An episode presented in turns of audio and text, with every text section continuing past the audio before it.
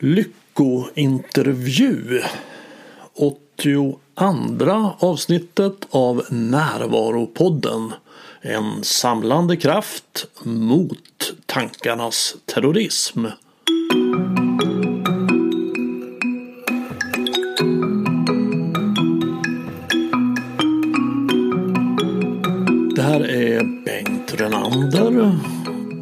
Här blir jag intervjuad av Agnes Sjöström i Lyckopodden.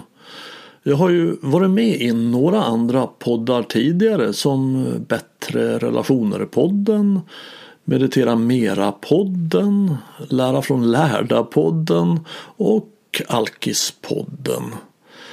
Jag brukar ju sända de här mötena också i Närvaropodden eftersom vi pratar om sånt som också kan intressera mina lyssnare. I avsnitt 63 av Närvaropodden så pratar jag med psykologen Katarina Blom om just lycka. Där pratar vi en del om hur jakten efter lycka kan vara det som hindrar lyckan. Vi pratar om det som kanske gör mig mest lycklig är att få hjälpa andra och bidra till deras lycka. Så det pratar jag inte så mycket om här. Utan Agnes frågar mig om vad lycka är för mig och hur man kan uppnå den.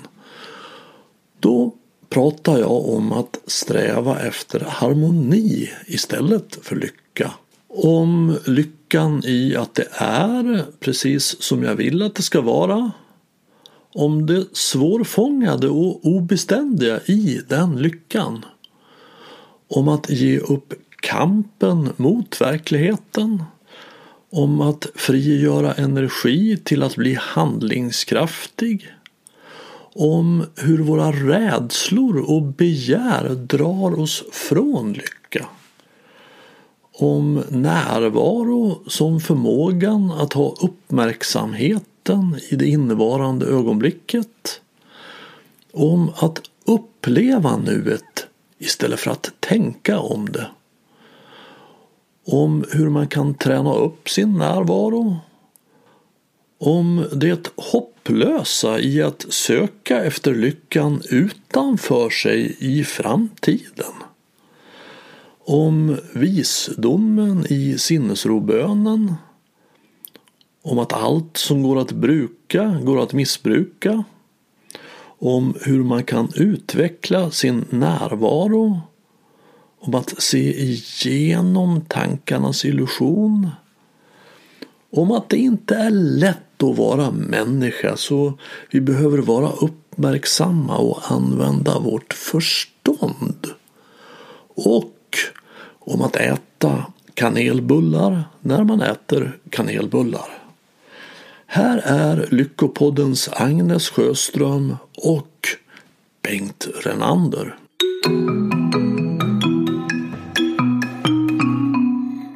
Idag ska vi prata om någonting som, som du är mer eller mindre expert på. Du pratar i vart fall med många experter om det här ämnet och det är nämligen närvaro då, kopplat till det ämne som jag intervjuar folk om och det är ju lycka.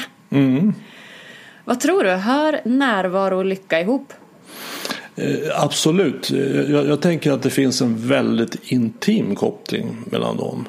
Jag brukar när jag träffar mina gäster att börja med när vi har sådana här begrepp som lycka eller kärlek eller vad det nu är vi ska prata om. Att, att vi definierar vad, vad, vad menar vi när vi säger det?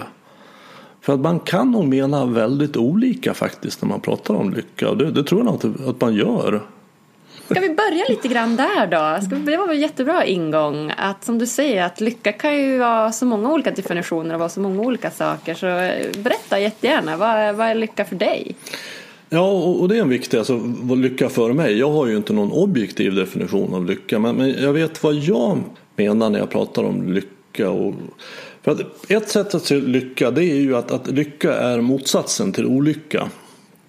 Och, eh, och, och, det är fullständigt rimligt och det finns de som säger att man kan inte vara lycklig hela tiden. Och, och eftersom om man är lycklig hela tiden finns ju ingen olycka och då finns ingen motsats. Och, och det är ju alldeles riktigt. Så att lycka lycka kan ju vara en sorts euforisk lycka, glädje, man skrattar och liksom är helt fantastiskt. Och den lyckan tror jag blir svår att ha hela tiden. Men jag är nog inte så mycket primärt ute efter den lyckan. Den kan komma och då, då välkomnar jag den och så försvinner den och, och då får det vara okej okay också. Utan kanske ett ord som jag tycker är mer intressant är harmoni.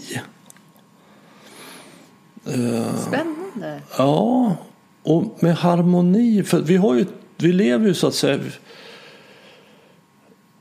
lever i två domäner kan man säga. Det som är utanför mig och det som är i mig.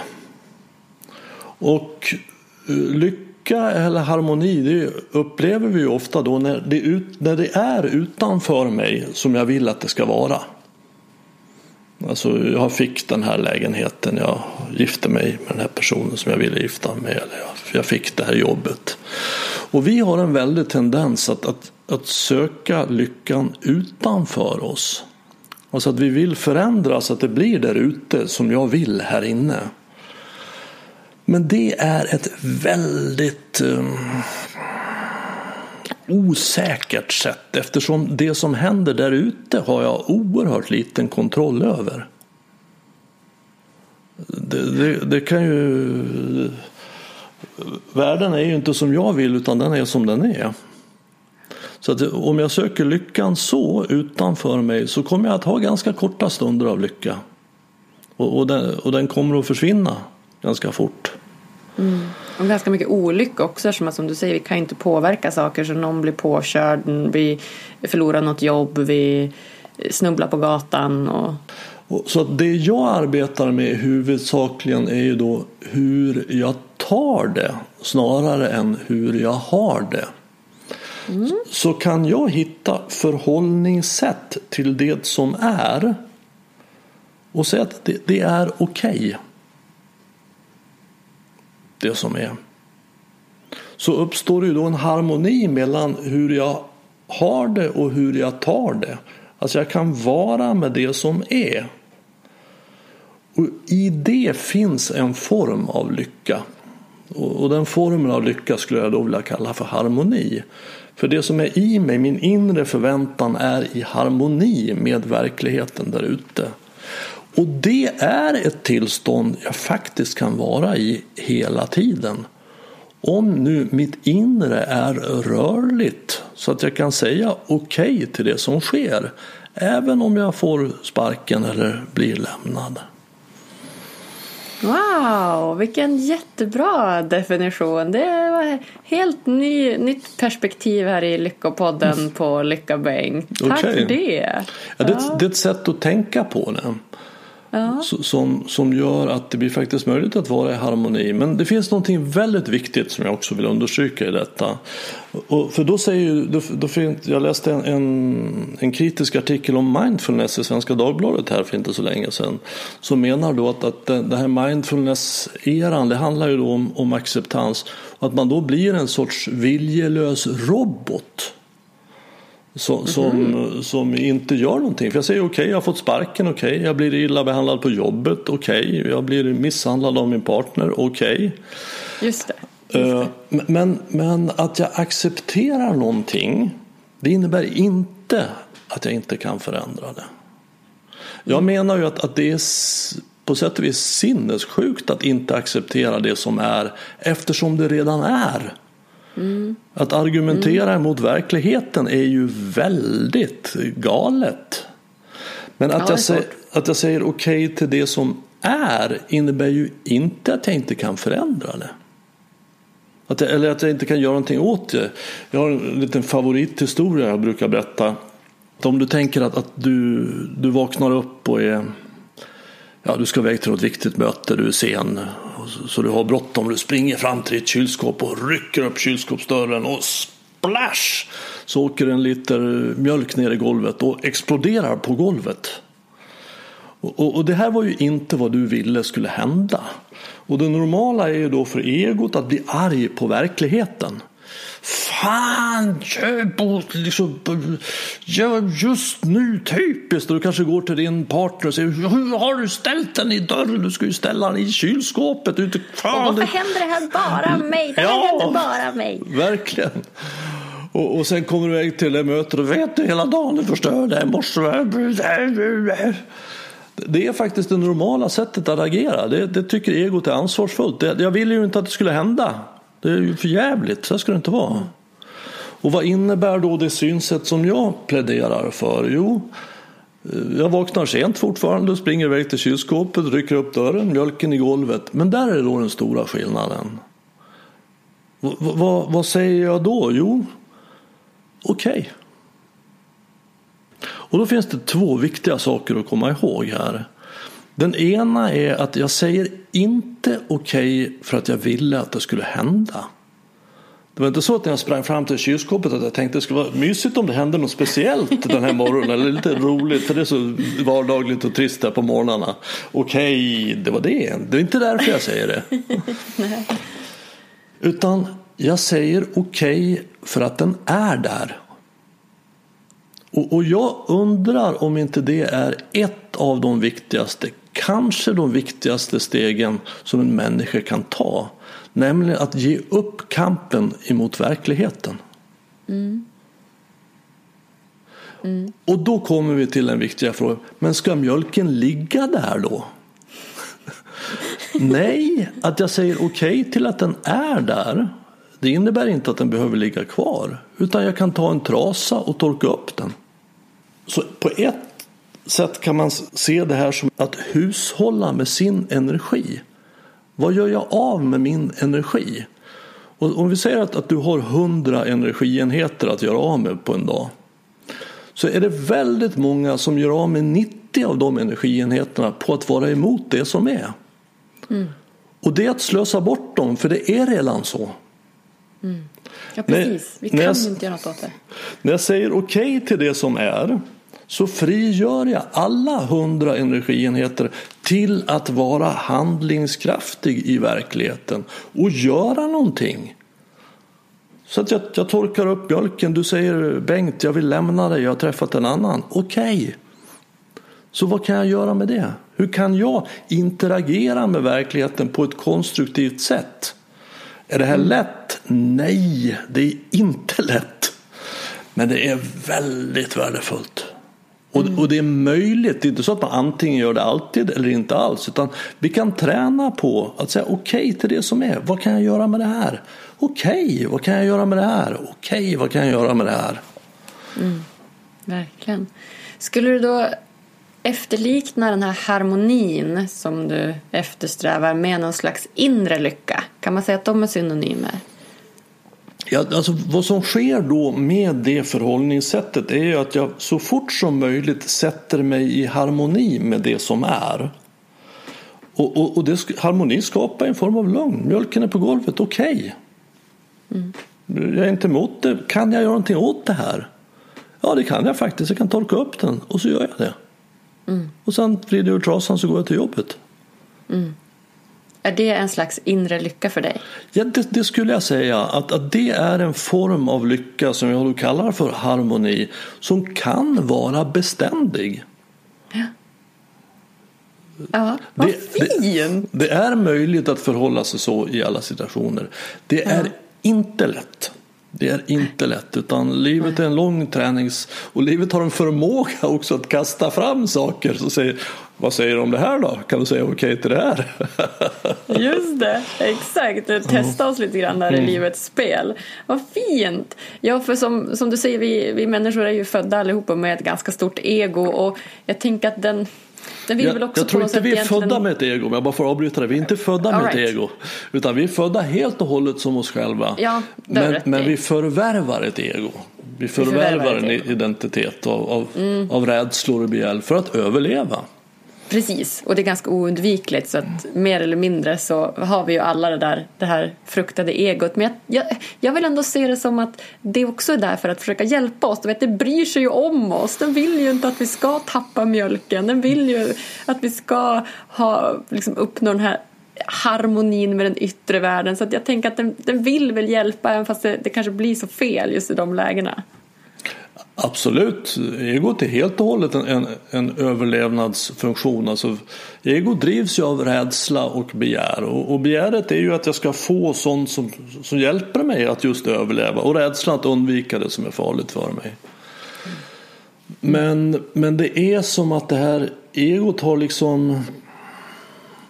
Det växer och växer lätt. Ja, det blir för, för stort. Så att, att, att jag, när jag bara drivs av mina rädslor och begär så, så tappar jag ju också bort det här nuet. Mm. Som är ju det här ögonblicket här. Mm. Som är livet. Mm. Jag har ett citat i min senaste bok som ju heter Stoppa tankarnas terrorism som, som, som, jag, som jag älskar och det säger Enjoy this moment because this moment is your life. Och när jag då går i begär så längtar jag ut i framtiden. Bara jag har fått det där, bara det här har hänt, bara jag har träffat någon, bara jag har fått barn, bara barnen börjar förskolan, bara de börjar skolan, bara, bara jag har skilt mig från den här karln. bara sen kommer, jag vill det här sen. Och mm. rädsla för att bara inte det här, tänk om det här händer. Och då är jag inte närvarande. Och, och, och det är ju där som kopplingen mellan närvaro eller harmoni och, och lycka kommer. Mm. För att i det innevarande ögonblicket så är det oftast, oftast, inte alltid, men oftast ett väldigt fint ögonblick. Mm, visst. Ja, jag är helt med dig, helt med dig Bengt. Och jag älskar ju närvaro och jag tror det var min gäst eh, Bob Hansson som är poet i Tankar för dagen. Han är en helt fantastisk person. Och eh, han var väldigt snabb på att svara det. Så jag bara, vad är lycka för dig? Han bara, närvaro sa han direkt. Mm. Jag bara, all right, okej. Okay. Kan, du inte, kan du inte berätta lite grann om närvaro? Om du ska definiera det, vad, vad är närvaro? Ja, eh, jag har ju, har ju definitioner på, på de flesta av de ord eller begrepp som jag pratar om för att hjälpa mig att veta vad, vad menar jag när jag pratar om det. Och, och närvaro för mig är förmågan att ha min uppmärksamhet i det innevarande ögonblicket. Right. Alltså det är en förmåga, så det är någonting som jag kan utveckla. Och det är förmågan att rikta uppmärksamheten mot det innevarande ögonblicket. Det. Och det är inte lätt för att jag har historier och berättelser i huvudet som, som påkallar min uppmärksamhet. Men nu måste du tänka om det inte kommer att gå bra här på bröllopet, att det blir regn och hagelskurar. Tänk om eh, min bil inte klarar besiktningen. Tänk om jag får sparken. Eh, och det är väl dramatiska berättelser eller berättelser som har hänt i det förflutna. Kom ihåg när på skolgården när jag gick i mellanstadiet. När de kastade snöboll på mig och mobbade mig. Det, och de här historierna är ju väldigt dramatiska. Det är ju som att ha en hög med VHS-filmer. Jag vet inte om du är tillräckligt gammal för att komma ihåg VHS-filmer. DVD-filmer eller filmer överhuvudtaget i huvudet som påkallar uppmärksamhet. Titta på oss, titta på oss. Och att då kunna rikta uppmärksamheten hit istället. Här. Och, och se vad händer här nu och uppleva det. Att uppleva det som händer nu istället för att mm. tänka om det. Ja. Det är oh, närvaro. Wow. Det är verkligen närvaro. Mm. Berätta, hur, hur gör du för att, eh, för att försöka hamna i, i total närvaro? Ja, först så tror jag att, att det kan vara bra att, att, att veta att att när jag är närvarande så är inte jag mer närvarande än vad du är när du är närvarande eller när ett litet barn är närvarande. Utan för mig, återigen, det finns så mycket uppfattningar och tankar om det här, men för mig så är närvaro närvaro. Så när jag är närvarande så är jag närvarande och det är du också. Så vad som sker med tiden är ju att man blir närvarande fler timmar om dagen. I början kanske fler minuter. När jag började var jag kanske närvarande i två sekunder. Och, och, vad man kan göra är då att träna upp sin förmåga att rikta uppmärksamheten mot det innevarande ögonblicket. Vi kan kalla det innevarande ögonblicket för upplevelsevärlden. För det går inte att uppleva någonting någon annan gång än nu. Vi, vi kan inte se någonting som hände för tio sekunder sedan eller känna doften av någonting som kommer om en minut. Utan eh, när vi går till upplevelse så kan vi bara uppleva saker som händer nu. Så det är en värld vi kan ha vår uppmärksamhet i. Och den andra världen är tankevärlden. Och som ju är dramatisk. Den utger sig för att vara intressant, nödvändig, viktig. Det måste tänka på det här. Sant. Så att många av oss går ju med uppmärksamheten i tankevärlden jämt. Vilket gör att det är fullt möjligt att må väldigt dåligt fast man har det bra. Alltså man kan ju vara på, på någon fin sommarfest med allt är bara vackert väder och det är kanelbullar och gott kaffe och barn som leker. Och, men man ser att det är en person, han sitter där och ser väldigt bekymrad över. Bekymrad och, och så går man fram. Hur, hur är det med dig? frågar man. Ja, det, det är jättedåligt. jättedåligt. Jaha, var, varför då? då? Ja, jag kanske får restskatt nästa år. Det är där han har sin uppmärksamhet. Så han upplever inte det som är här nu. Så vad kan vi göra? Jo, vi kan träna upp vår förmåga att rikta uppmärksamheten mot det innevarande ögonblicket. Och, och den träningen heter ju meditation. Det är ju vad vi gör då. Jag, jag sätter mig ner och till exempel upplever min andning. Jag upplever hur buken häver sig och sjunker undan. Och sen kommer en tanke då om att jag ska vara med i Lyckopodden imorgon och vad vi ska prata om. Jag måste... Men då identifierar jag det som tanke och så går jag tillbaks till upplevelsen. Och det här är som en mental armhävning. Så att, att man, ett sätt att se det är att jag har då en, en närvaromuskel som jag tränar upp med hjälp av meditation. Mm. Och så jag går från tankevärlden till upplevelsevärlden. Så kommer en annan tanke som, tycker att, som säger att jag är jätteintressant. Eh, tänk på skilsmässan för tre år sedan. Jag måste, vi måste tänka igenom det här en gång. Jag har ju tänkt på det för 450 år. Ja, men en gång till. Men sen då tillbaks till upplevelsevärlden. Och om jag gör det då, säg att jag sätter mig ner och mediterar i tio minuter. Var sjätte sekund så kommer en tanke.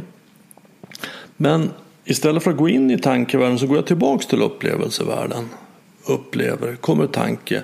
Då har jag, om det händer på sjätte sekund så har jag på tio minuter hundra gånger upptäckt att jag är i tankevärlden och riktat uppmärksamheten mot upplevelsevärlden.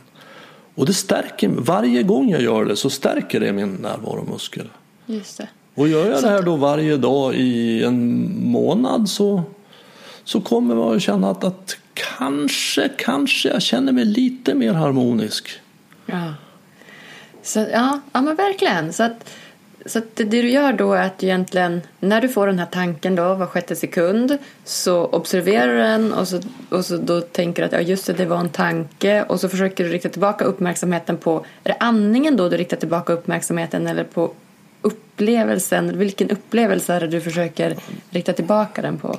Det kan ju egentligen vara vilken upplevelse som helst. Det kan ju vara att det kliar i foten eller att det, bältet sitter lite för hårt runt magen. Eller att, att det... Men andningen är ju tacksamt.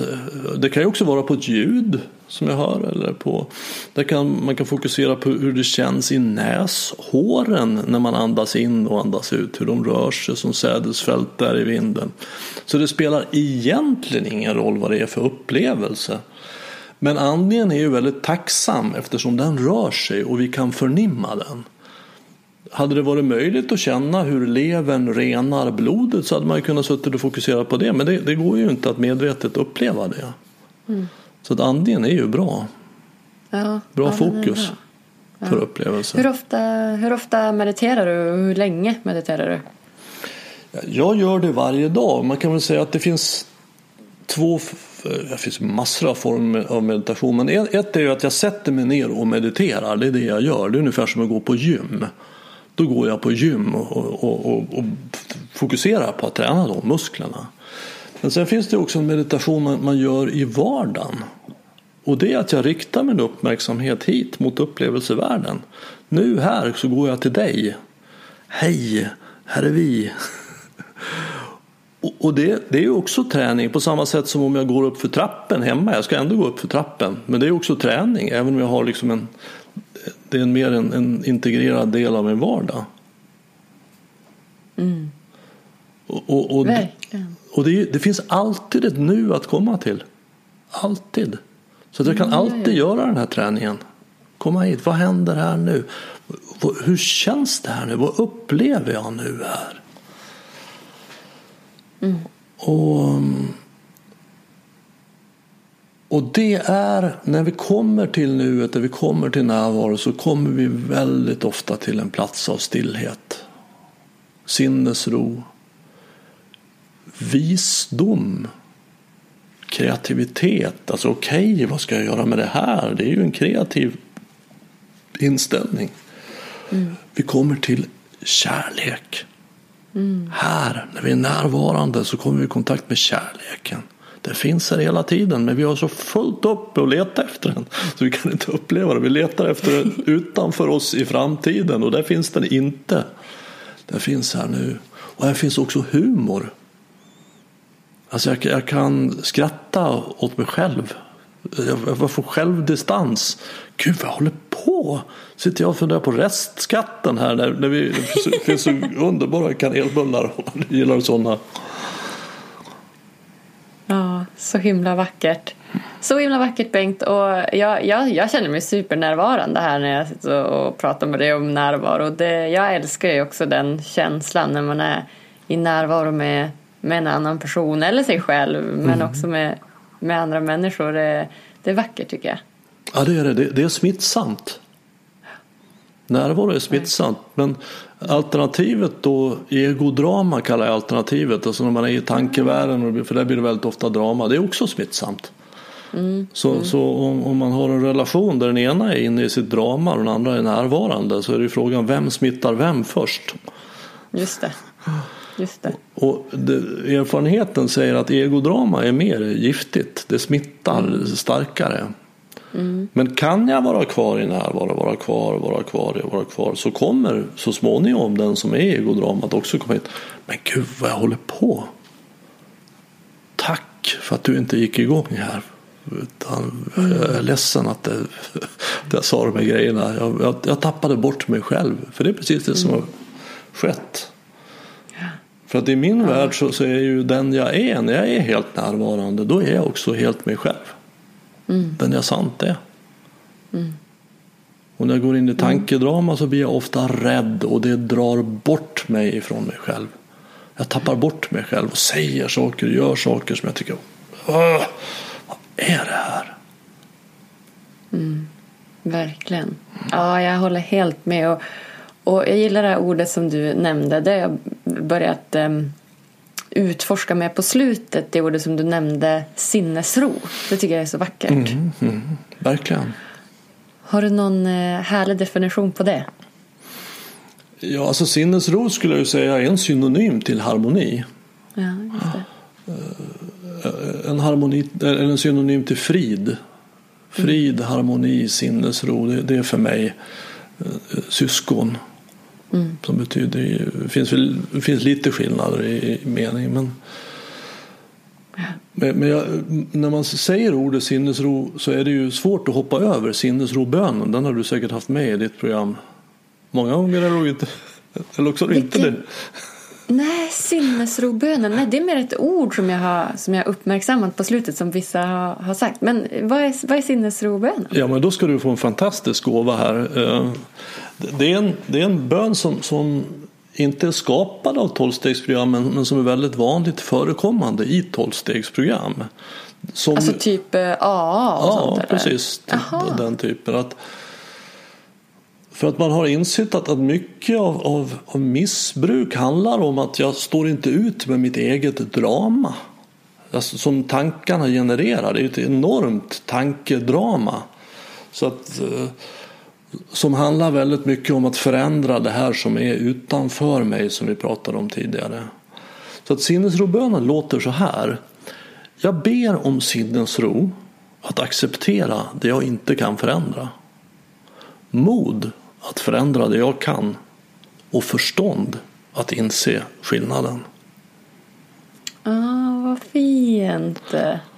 Och det tycker jag då på tre rader är en väldigt bra instruktion till hur kan jag leva ett liv i harmoni. Mm. Men alla tre rader är ju viktiga. Alltså, sinnet att acceptera det jag inte kan förändra. Och veta vad är det för någonting? Då? Mod att förändra det jag kan. Vad är det för någonting? Jo, jag behöver använda mitt förstånd för att kunna se skillnaden. Ja. Så att förstånd är en väldigt viktig nyckel. Förnuft, förstånd. För när vi går in i reaktiva draman så blir vi ju inte kloka. Vi tappar vårt förstånd, blir barn. Ja, verkligen. Har du, eh, har du varit med i något sånt tolvstegsprogram? Ja, det har jag. Jag är en nykter alkoholist. Att jag har, mm. har gjort det. Och, wow, och egentligen okay. lever i det. Det är ingenting man gör och så är man klar. Utan det är ett sätt att leva på. Och det här ja. sättet att leva på skulle, som jag uppfattar det. Jag gör mig inte till talesman för, för någon annan än mig själv. Det vill jag noggrant understryka. Men att, att, att kunna vara i harmoni med det som är. För då behöver man ju inte dricka någonting. För jag, det, jag kan vara med det som är. Det går bra. Ja. Jag är inte emot det. Nej. Varför, wow. varför ska man då ta någonting? Nej, precis. Jag har faktiskt eh, jag funderar på om jag ska bjuda in någon till podden och prata om just de här eh, olika tolvstegsprogrammen. För jag tycker att de är så, så intressanta. Och just Egentligen så tycker jag väl att det är någonting som, jag läser de här tolv stegen och jag vet att det finns lite olika, olika tappningar på det men att det grundar sig väl i, i AAs program tror jag. Och, mm. och just den här liksom ja, men programmet känns som att det, det, det ligger något väldigt andligt och, och, och vackert över och ett, liksom, ett, ett bra sätt att se på livet och att leva efter mm. på något sätt. Så jag är superintresserad. Jag skulle lätt kunna tänka mig, nu är jag inte nykter alkoholist eller alkoholist men något typ sånt program skulle vara kul att gå igenom tycker jag. Mm. Bara för personlig utvecklings skull liksom. Absolut, absolut. Det, det har ju varit oerhört betydelsefullt för mig. Jag hade mm. inte varit nykter idag utan tolvstegsprogrammet. Det, det tror jag inte. Okej. Okay. Mm. Vad finns det mer för olika program? Sådana här tolvstegsprogram? Alltså, ta, I USA så finns det över 250 olika tolvstegsprogram. Det är i Jäklar. grunden samma program. Det är samma tolvsteg ja. men det är då anpassat till om man är eh, narkoman eller spelmissbrukare, sexmissbrukare, mat, socker, eh, arbete, träning. Alltså allting som går att bruka går ju att missbruka. Ja. Så det finns till och med ett tolvstegsprogram för de som har fastnat i tolvstegsprogrammet. jag vet inte om det är sant men jag, jag har hört det i alla fall. Det är ganska roligt. Så att allt som går att bruka går att missbruka. Ja. Oh, wow. Ja, nej men verkligen. För jag, det är många jag pratar med på slutet som, som jag blir väldigt inspirerad av. Och, och, och sen har vi kommit in på de här ja, men ibland kommer vi in på de här programmen på något sätt och då är det många som har liksom gått igenom just de olika programmen som, som jag tycker blir väldigt kloka och närvarande av det mm -hmm. och mhm. medvetna. Absolut. Mm. Ja, skitcoolt, verkligen.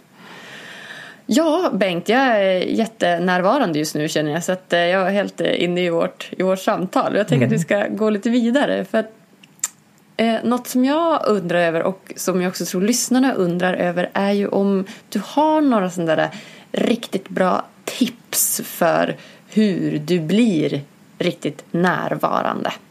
Mm.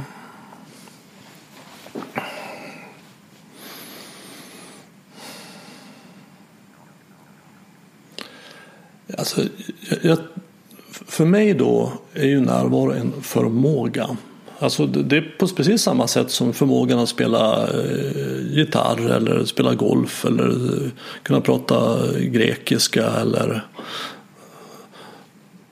och, och, och, för att tillägna sig en förmåga så behöver man ju träna upp den. Eh, och, och hur tränar man upp förmågan att, att spela gitarr? Jo, man spelar gitarr. Och, eh, eller man, man pratar grek, grekiska eller man är ute på golfbanan och slår en massa slag.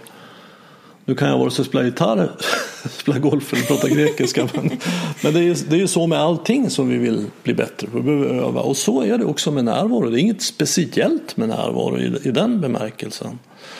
Så att det finns liksom inga quick fix. Bengt, kan du ge mig en quick fix för att, att spela, kunna spela gitarr? Nej, alltså spela gitarr.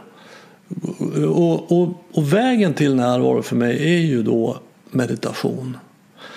Och, och, ett väldigt viktigt steg är ju det som jag pratade om tidigare, att ge upp kampen emot verkligheten. Alltså att det som är. Att jag inte lägger energin på att vara emot det som är utan se hur kan jag förändra det som är. Hur kan jag vara konstruktiv i förhållande till det som är. Det är en del och sen är det ju då faktiskt att meditera. Just det. Så att, eh, och det finns inte riktigt några större genvägar där på samma sätt som om du vill få bättre kondis. Du behöver ut och träna någonting. Sen spelar det kanske ingen större roll om du tränar simning eller löpning eller basket eller, vad det är. Utan, eh, alltså vilken meditationsform du väljer. Det finns ju många olika meditationsformer. Men, men att göra det. Mm. Jag tror också en väldigt viktig insikt, eller hjälpsam insikt, är ju att se igenom tankarnas illusion. Dels att, att inse att jag är inte mina tankar, jag har dem. Det är det ena. Det andra är att tankar är inte verklighet. Mm. Tankar är berättelser eller, eller mentala fenomen i sinnet. Det är inte verklighet. För vi lever i en kultur som säger motsatsen på båda dessa punkter.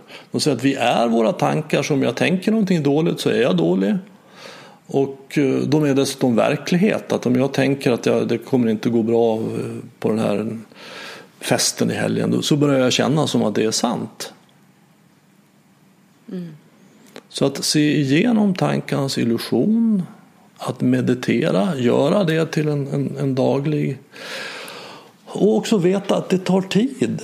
Alltså, så, så, är det ju om, om du vill få större armmuskler eller kunna prata grekiska. Alltså, om, om, du, om du tränar med hantel, säg att du tränar 10 minuter om dagen. Eh, efter en vecka, det syns ju liksom ingenting. Det enda som har hänt är att du fått träningsverk och tyckt att det har varit väldigt tråkigt. Ja, faktiskt. En motsatt effekt nästan. Och, och, så är det med meditation också. Då. Väldigt många börjar meditera och efter en vecka så det här, jag sitter ju bara och tänker. Det här är ju bara helt värdelöst. Slösa på tid. Jag har ju faktiskt saker att göra som är viktiga. Men om man ändå fortsätter så skulle efter någon månad så kan man känna att ja, men jag kanske är i lite mer harm. Jag vet inte, kanske.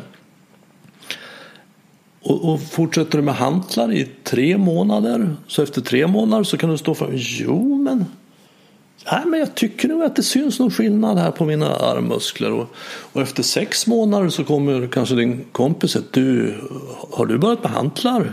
Det ser ut som du har fått, vilka muskler du har fått. Ja, jo, det stämmer, säger du. Och, och med meditation är det så att, att efter tre månader så, jo, jag är lite mer handlingskraftig i verkligheten. Tror jag i alla fall.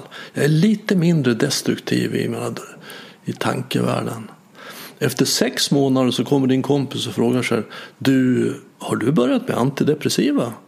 Du verkar så, du verkar så glad. nej, nej, nej, jag, jag mediterar. För att vi mediterar ju inte för att bli bra på att meditera. Vi mediterar för att bli bra på att leva.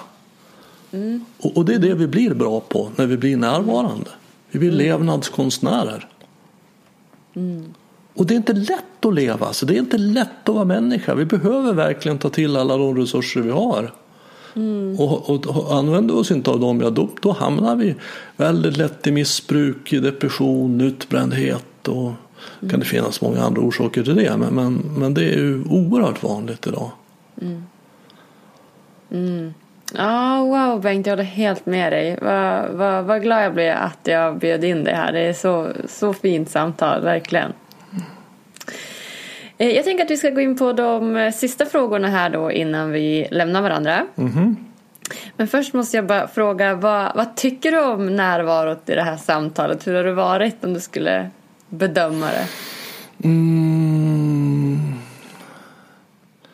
Att det är någonting ändå i det fysiska mötet mm. som inte uppstår. Eh, och jag känner också att, att jag, jag är mer självmedveten märker jag när jag pratar än vad jag är i ett fysiskt möte. Att jag tänker, och sen är det lite annorlunda än när jag gör min podd. För jag tänker, jag, jag pratar ju mycket mer nu. För det här är ju mer en intervju. Så det, avsikten är ju att jag ska prata mer.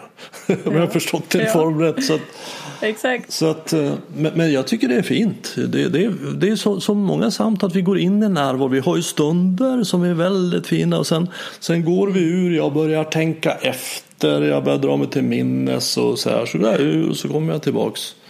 Just det. Vad, vad tycker du?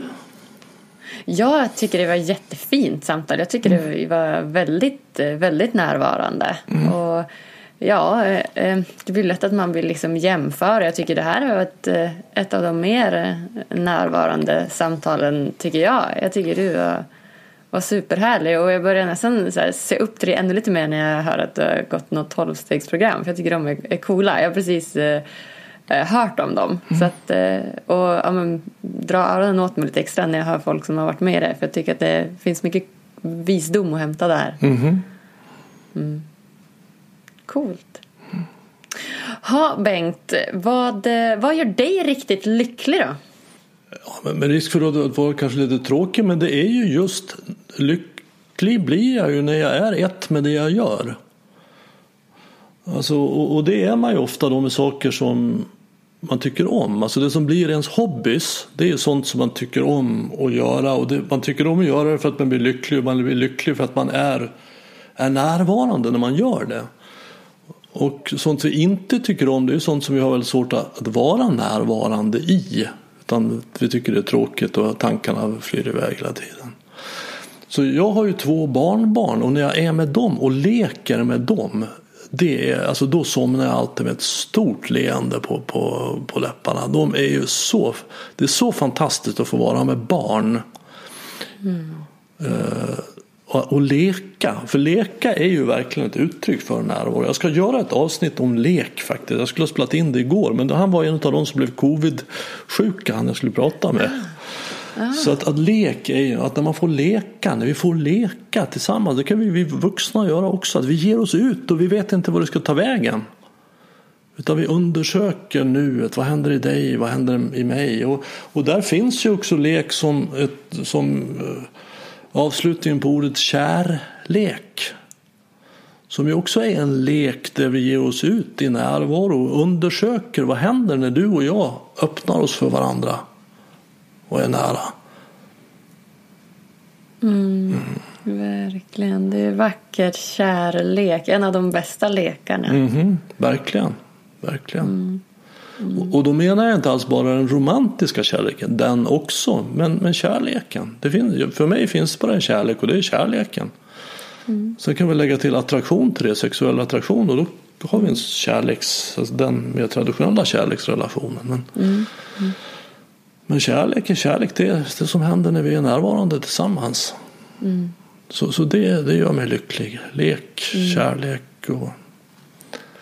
Nej, men jag, jag, tycker om att spela, jag tycker om att laga mat, jag tycker om att spela keyboard, jag tycker om att spela dragspel. Jag gillar att hålla på på mitt landställe och spika och snickra. Och, mm. ja, jag gillar möten.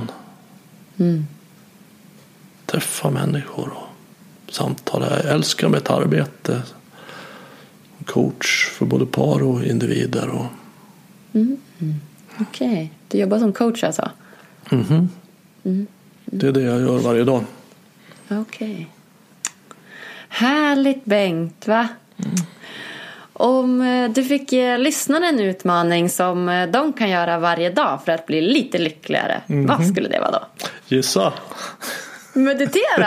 ja. och, och, och om man inte har en meditationsrutin redan. Så, ofta så gör ju egot att det ska vara så stort och det ska vara så märkvärdigt och krångligt. Man måste köpa appar och gå på kurser och allting sånt där. Men jag menar att du kan börja med att ta en minut om dagen. Så det, tidigare, det du tidigare har gjort på 24 timmar behöver du nu göra på 23 timmar och 59 minuter. Så att du frigör en minut om dagen till att sluta ögonen och bara uppleva din andning. En minut räcker. För den allra, allra bästa meditationen, det är den som blir av. Mm. Bra sagt.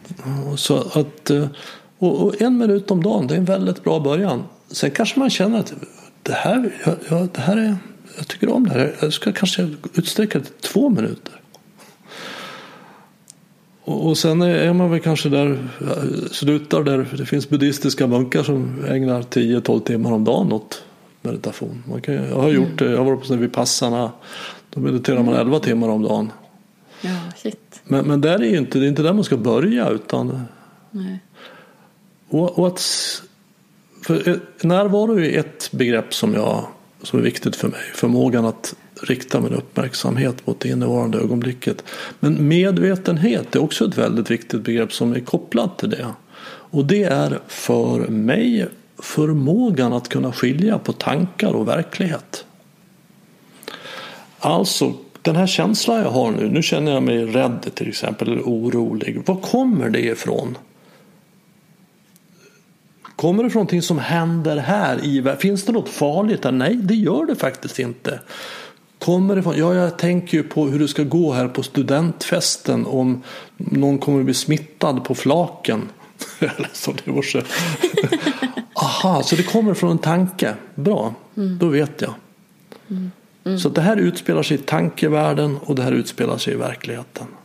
Tankevärld, verklighet. För vi blandar ihop det här så jädra lätt eftersom det känns likadant. Mm. Mm. Och om det känns likadant oavsett om stimulit kommer från en tanke, en film eller i verkligheten. Och att lära sig och, och se om kommer känslan från en film eller verkligheten. Det är första steget mot medvetenhet. Det andra är att lära sig att också att se att det här kommer från tankar. Jag tänker saker som får mig att känna det här. Det är inte verklighet. Och sen då att nästa närvaro att rikta min uppmärksamhet mot det som sker här nu. Mm. Mm. Wow. Mm. Ja, så himla spännande. Jättebra. Och jag känner också, jag har ju också en meditationsrutin då, som jag gör. Varje morgon så hamnar jag eh, naturligt nu för tiden bara i, i en morgonmeditation och slår på min lilla meditationslista och tänder mitt ljus och, och dricker mitt citronvatten. Och det är ju, alltså det sätter ju en sån standard för hela dagen. Mm. Alltså det, det, det hjälper mig verkligen att vara mer, mer närvarande hela dagen, tycker jag. Mm. Så att, eh, jag håller med dig. Jag rekommenderar ju alla att en minuts meditation, börja där och mm. sen mm. se vad de känner om det. Mm. Och, och, precis som du säger här så för, för mig då som, som menar att, att jag är mig själv när jag är närvarande. Om jag då tar som du gör och, och kommer i kontakt med mig själv på morgonen. Så jag, jag, landar där i mitt själv. Sen kan ju dagen vara ganska dramatisk med arbete och händelser så att jag, jag tappar bort mig själv där under dagen. Mm. Men om jag nästa morgon tar, kort, tar kontakt med mig själv så hinner jag inte så jädra långt bort. Nej. Jag hinner liksom bara, jag är fortfarande i kvarteret någonstans. Ja. så kommer jag tillbaka till mig själv, tappar jag bort mig själv. Men jag är ändå någonstans som inte är så jädra långt bort. Men om mm. jag inte tar kontakt med mig själv då kan jag inte bara, bara byta kvarter utan hamna i en annan stadsdel, i en annan ja. stad, i ett annat landskap, i ett annat land. Jag är så långt bort ifrån mig själv så att jag, jag hittar inte tillbaks. Nej. Nej. Så det är väldigt bra liksom att förankra sig. Här, nu, här är jag. Ah, mm. Bra. Vet jag. Nu kommer jag ihåg hur det är att vara mig själv. Exakt. Det här är ju jag. Mm. Ja, så bra. Ja, nej, är det något så slutligen som du känner att du vill dela med dig av till lyssnarna som du inte har fått säga än? Ja, det, det finns ju i, i drygt 80 avsnitt av Närvaropodden. ja. och även i, i avsnitt som kommer så så vill man veta mer om hur jag och, och, och andra människor som också jobbar. För mina gäster är huvudsakligen människor som hjälper andra att, att komma till mer medvetenhet och närvaro inom olika områden. Just det. Ja. Så kan man lyssna på Närvaropodden. Det kan man göra. Mm. Ja, jag, är, jag är så himla glad att du ville komma och gästa mig Bengt. Det känns verkligen som en ära att ha fått vara här i närvaro med dig i snart en timme. Så mm. att, Jag säger bara tack, tack, tack snälla, snälla du för att du ville komma och gästa mig här på Lyckopodden. Tack för att jag fick vara med.